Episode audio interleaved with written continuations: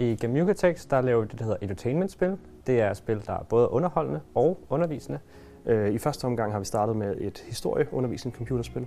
Det gør vi med udgangspunkt i, i vikingetiden, så man får, får lov til at, at dykke ned og opleve, hvordan var det øh, at være tilbage i, i tiden dengang. Vi er 20 mennesker, give or take.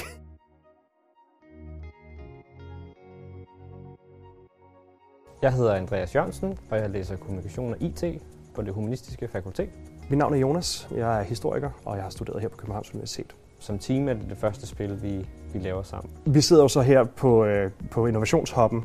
Innovationshoppen er et fantastisk sted at, være. Der er jo både kontorpladser, der er konsulenter og der er workshops. Men man får også en masse viden, som man måske ikke lige ellers spille. Det er ligesom, bruger vi som et, som et springbræt, som har givet os øh, nogle, nogle kompetencer i forhold til at drive virksomheden. Og så har man ligesom et, et forspring, når man kommer ud på den anden side af studiet, hvis det er det, man gerne vil.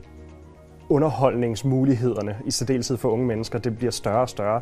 Det er sværere og sværere at holde øh, koncentrationen og holde øh, fokus øh, og ligesom engagere de unge. Hvis vi kan hjælpe folk med at forstå, i det her tilfælde historiefaget bedre, så, øh, så er vi rigtig glade.